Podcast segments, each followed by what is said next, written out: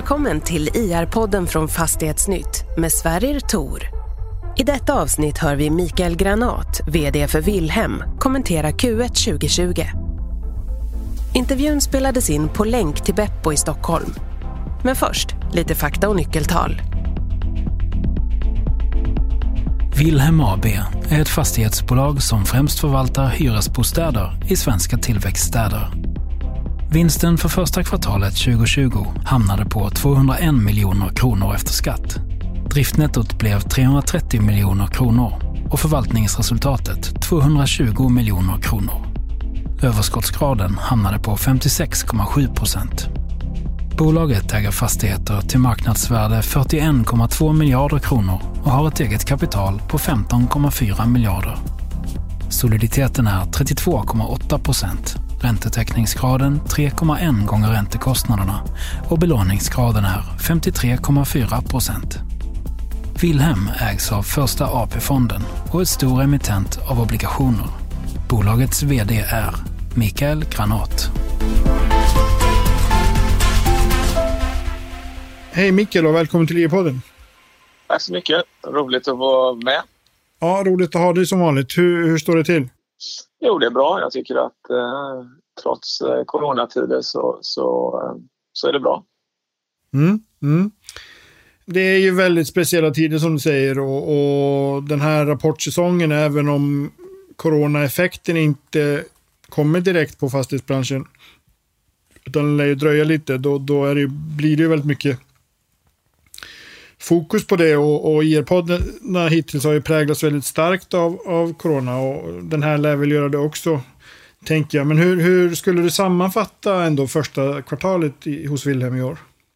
Nej, första kvartalet för bolaget ur ett resultatperspektiv är ju att det är ett väldigt starkt kvartal och att vi har påverkats väldigt, väldigt lite av eh, i princip inget alls under första kvartalet eh, okay. av, av, av corona. Eh, man kan säga att det som resultatmässigt. Sen kan man säga att det har påverkat oss arbetsmässigt då eftersom vi inte reser och ja, vi har fått lägga om alla rutiner för en mängd saker uh, i verksamheten. Så på det mm. sättet har det påverkat oss. Så att det har blivit mm. en helt annorlunda arbetssituation kan man säga. Mm. Hur, ni, ni som, som äger eh, hyresrätter, hur, hur liksom Påverkas ni av, av vad ska man säga, liksom, rekommendationer om, om att man ska hålla avstånd? Det är kanske inte är så lätt att hålla en, en meters avstånd i ett, trapp, i ett trapphus eller en hiss till exempel. Alltså hur behöver ni rigga, rigga fastigheterna på något sätt? Ja, alltså vi jobbar ju med information till våra hyresgäster eh, där, där vi uppmärksammar dem på de rekommendationer som finns. Eh, vi eh, Ja, vi ökar ju städning och allting sånt i trapphus men vi kan ju faktiskt inte påverka och kontrollera hur den enskilda individen... Alltså det, till slut är det ju vad den enskilda individen gör själv och vilka bedömningar och mm. vilka risker man tar som, som individ.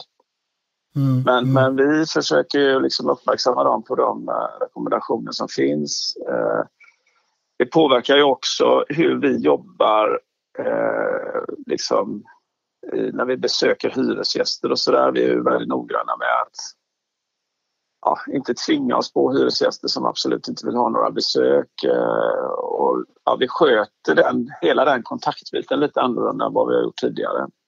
Och det mm. präglas ju då av, av eh, en, en, någon slags försiktighet. Både av våra medarbetare men också om hyresgästerna. Då.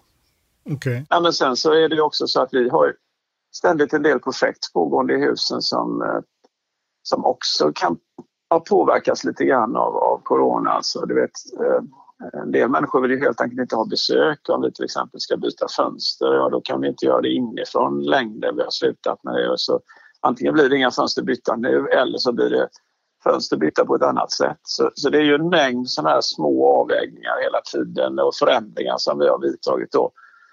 Ja, mm. För att helt enkelt uh, minska risken då för smittspridning. Mm.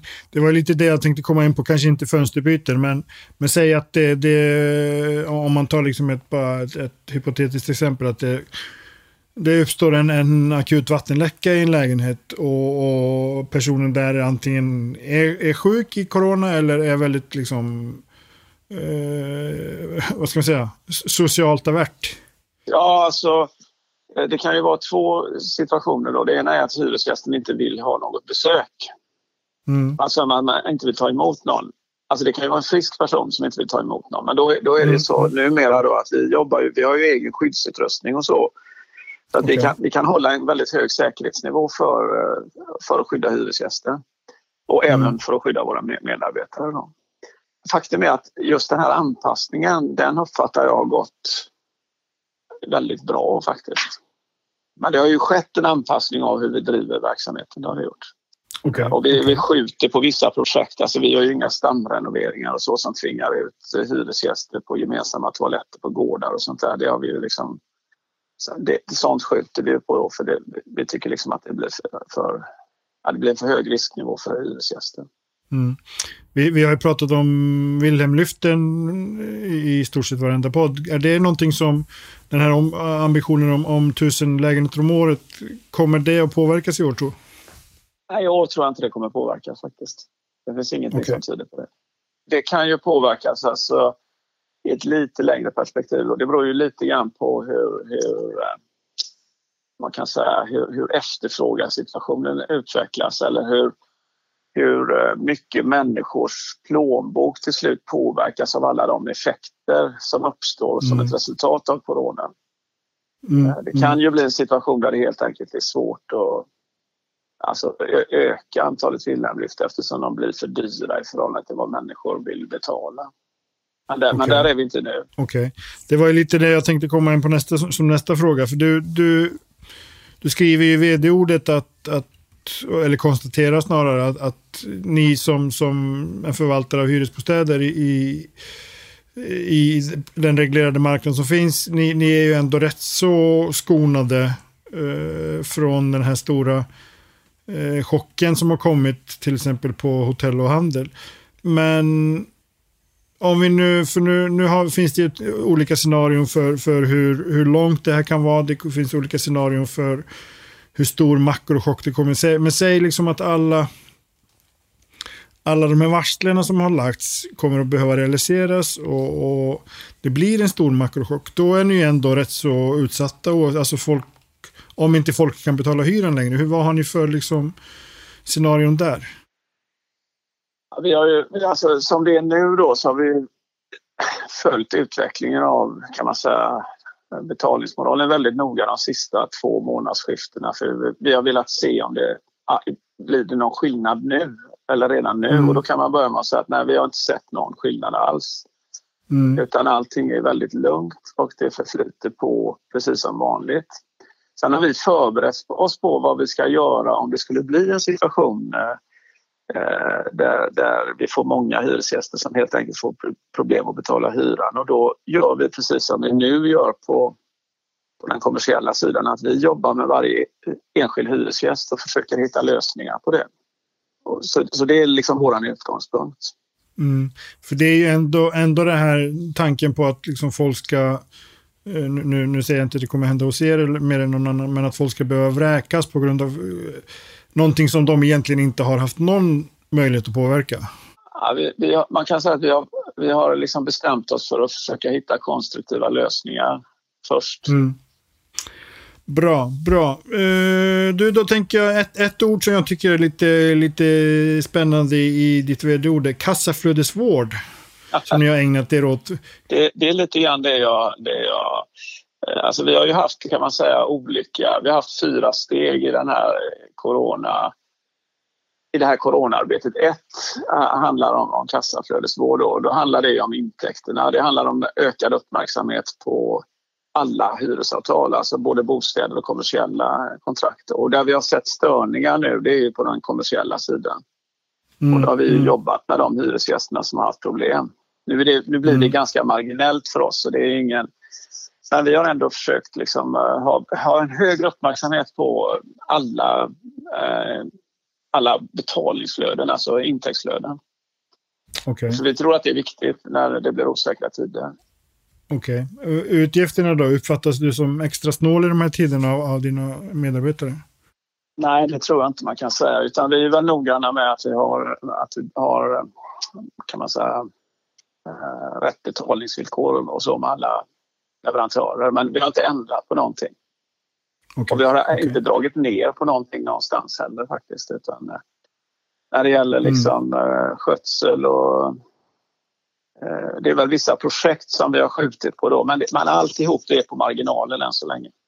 Mm. Men vi har ju mer uppmärksamhet på kassaflödet för det blir viktigt eh, framöver, eller kan bli viktigt. Ja, precis. precis. Eh, ni är ju väldigt eh, ni är väl tillsammans med Vasakronan det bolag i Sverige som har liksom störst andel obligationsfinansiering av de här stora fastighetsbolagen i alla fall. Ni är ju, jag försökte räkna här i, i huvudet precis innan vi körde igång och kommer fram till att ni har ungefär fem niondelar av er finansiering är, är obligationer. Det kan nog stämma, det har jag inte ens räknat ut. 15,5 miljard tror jag det är. Ja, 15,5 miljarder av 27 miljarder och sen har ni 4 miljarder certifikat. Så marknadsfinansieringen är ju eh, dominerande, alltså det är två tredjedelar totalt.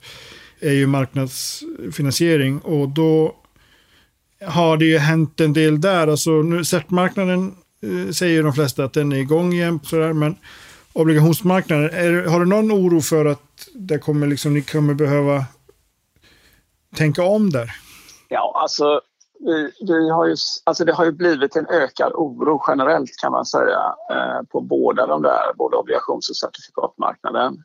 Mm. Men båda marknaderna fungerar ju, men allt har blivit dyrare. Så, så kan mm. man säga. Sen kan man ju då fundera på, eh, lite, på lite sikt liksom.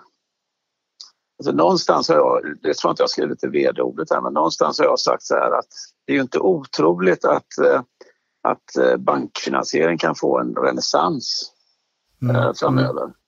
För det är klart att om, mm. om, om priset stiger på om finansieringspriset stiger på obligations och certifikatmarknaden så ja, då blir det, då konkurrerar, då blir det blir inte lika konkurrenskraftigt. Då kan man lika gärna vara på banken. Ja, om inte de också höjer priserna. Men alltså, det är klart att det, fin- det, det, är en, det är en förändring men jag kan inte riktigt säga bara så här att ja, den kommer torka upp. Liksom. Så känns det mm. inte riktigt faktiskt. Okej. Okay. Men känner du en trygghet i er, er starka kreditbetyg där? Jo, det är klart det... att vi har ju en väldig, vi har ju en väldig fördel av det. Mm. Det, det, är liksom ingen tvekan om det. Att det är lättare för oss att se positivt på detta än kanske för andra då som har en svagare mm. liksom, kreditvärdighet. Eh, du nämner i, i vd-ordet att det kan ju uppstå intressanta affärsmöjligheter för Wilhelm i, i, i rådande omständigheter. Eh, mycket intressanta till och med, som resultat av coronakrisen. Ja, alltså ingen vet ju riktigt hur det här ska bli eller hur det här kommer att utvecklas. Och man kan ju inte utesluta att det får, kan alltså bli alltså tvinga fram eh, strukturförändringar i, i fastighetsbranschen. Eh, mm. Men det går heller inte att säga att det ska bli så för att det är för många lösa parametrar. Eh, men om det skulle hända så, så, så är vi ju ett bolag som har kraft att utnyttja de situationer som uppstår. Så vi, vi är väl inte sådär, alltså vi har ju faktiskt varit lite försiktiga ett tag och inte liksom spänt bågen allt för hårt. Eh, och det är ju lite grann med den baktanken att eh, det kan komma en situation där marknaden kommer att se annorlunda ut och då vill vi kunna utnyttja de möjligheter eh, som kan uppstå. Mm, mm. Det känns ju som att ändå att ni har skruvat upp takten lite på förvärvssidan under, kanske inte takten men ambitionsnivån eh, på förvärvssidan under, under första kvartalet. Eh, är det någonting du skulle hålla med om? Ja, det skulle man kunna säga, men man måste också se det perspektivet av att vi inte gjorde så mycket förra året. Då. Och det är oftast ganska långa processer när man gör den typen av affärer. Jag vet inte hur länge vi höll på med den affären, men det är ingenting man slänger ihop på en månad. Mm. Och det kommer säkert att komma någon mer affär här under året, tror jag. Eh, som också är en sån som vi, ja, som vi har jobbat med väldigt länge. Mm. De, de har vi ju nästan intecknat. Mm. Du, du nämner också att ni, det är på samma tema, att ni, ni höjer ambitionen att kunna bygga fler hus. Är, är det liksom, eh, nu, nu, har ni ju ni har vuxit lite i, i steg sådär kan man säga och som du sagt kanske inte legat på latsidan senaste året, men ni har ändå liksom tagit, tagit lite lugnare. Eh, har, har ni skruvat upp tillväxtambitionerna rent generellt nu igen? Nej, det kan man inte säga. Vi, vi, vi, vi ser väl ut... Vi, vi har ungefär samma ambition som vi haft det senaste året. Och vi har starkt fokus på att bygga egna hus också. Det tycker vi om. Och där har vi inte ändrat oss. Eh, det är klart att det kan komma en situation ur det här som gör att det inte blir aktuellt att bygga några nya hus på ett tag. Eh, men, men den mm. situationen ser inte vi nu och därför så fortsätter vi att planera eh, för fortsatt expansion för, för nyproduktion på egen mark. Då. Mm. Det är också mm. väldigt långa processer. Eh, det är ju, när du ska utveckla projekt på egen mark så är det ingenting som du gör heller på någon månad utan det är oftast årslånga processer. Mm, mm. Vi har ju pratat eh, om, om era samhällsfastighetsambitioner som ni, inte, ni egentligen inte har realiserat. Känner du liksom att vid rådande omständigheter att det kan vara ett läge att gå in där eller är, är det fortfarande trångt på den marknaden? Nej, jag tror det. Det är ingenting vi tänker på nu, så kan man säga. Men, men det okay. skulle ju kunna bli en situation där det öppnas en möjlighet som inte har funnits tidigare i det segmentet. Men det, mm. det är ingenting vi, har, det är ingenting vi liksom spanar aktivt på. Mm. Ja, men det känns ju så att det skulle kunna finnas möjligheter där. Eh, Mikael, det är dags att börja runda av, men jag har en, en du, du är en gammal, gammal räv i branschen. Förlåt, du är en räv i branschen. Eh, och du, du har ju fått sällskap nu i, i Wilhelm i styrelsen av en, av en annan utpräglad eh, fastighetsprofil. Eh, eh Fredrik Widenius som är ny styrelseordförande tidigare vd på, på Vasakronan. Vad, vad känner du att det kommer tillföra? Jag tycker att det ska bli väldigt spännande och jag känner ju Fredrik lite grann sedan tidigare och eh, tycker att det är en väldigt bra person. Så att eh, mm. jag ser fram emot det skiftet. Därmed inte sagt att jag var miss, missnöjd med Per Håkan utan tvärtom. Men eh, varje sak har sin tid. Mm. och, och, nu blir det, blir det en ny tid då med nya möjligheter. Och Fredrik då, så det, det blir jättebra tror jag. Och han har ju en väldigt stark också profil som, som utvecklare egentligen. Är, är det någonting som... Är det en signal på, på liksom lång sikt eller lite längre sikt att, att det kommer bli mer, mer utveckling? Uh, det, det, är nog lite för tidigt att uttala sig om det. Det är mm. i vart fall ingenting som vi direkt har pratat om. Det lilla vi har pratat uh, så, så har vi inte pratat om det. Mm. Mm. Men, men, jag menar, han är ju en ganska bred person kan man säga. Mm. Så att, eh, vi, vi ser, jag ser väl det som en kompetensförstärkning eh, rent allmänt så att jag tycker att det ska bli väldigt spännande. Mm, mm. Med två gamla rävar. två gamla rävar, ja det är möjligt. Det var du som sa det. ja, jag hoppas Fredrik inte hör, hör det här. Då kanske det inte blir några fler poddar. Eh, Mikael, eh, det blir spännande att se vad som händer nu med, med corona och, och allt det här. Och, och, vi får ju säkert anledning till att återkomma till dig i nästa podd, även om förhoppningsvis så blir det, blir det i rätt riktning, så att säga. Det får man hoppas. Det känns ganska långt till nästa podd. Vet du. Mycket kan ju hända under de där månaderna. Ja, jag, jag, tänkte på det där innan. Senast vi pratade så var det lite oro över Vasaloppet och snön. Men det känns ju som att det, det var länge sedan. Det var länge sedan, känns som flera år sedan. Precis. Stort tack för att du var med än en gång och så hörs vi under sommaren. Tack ska du ha.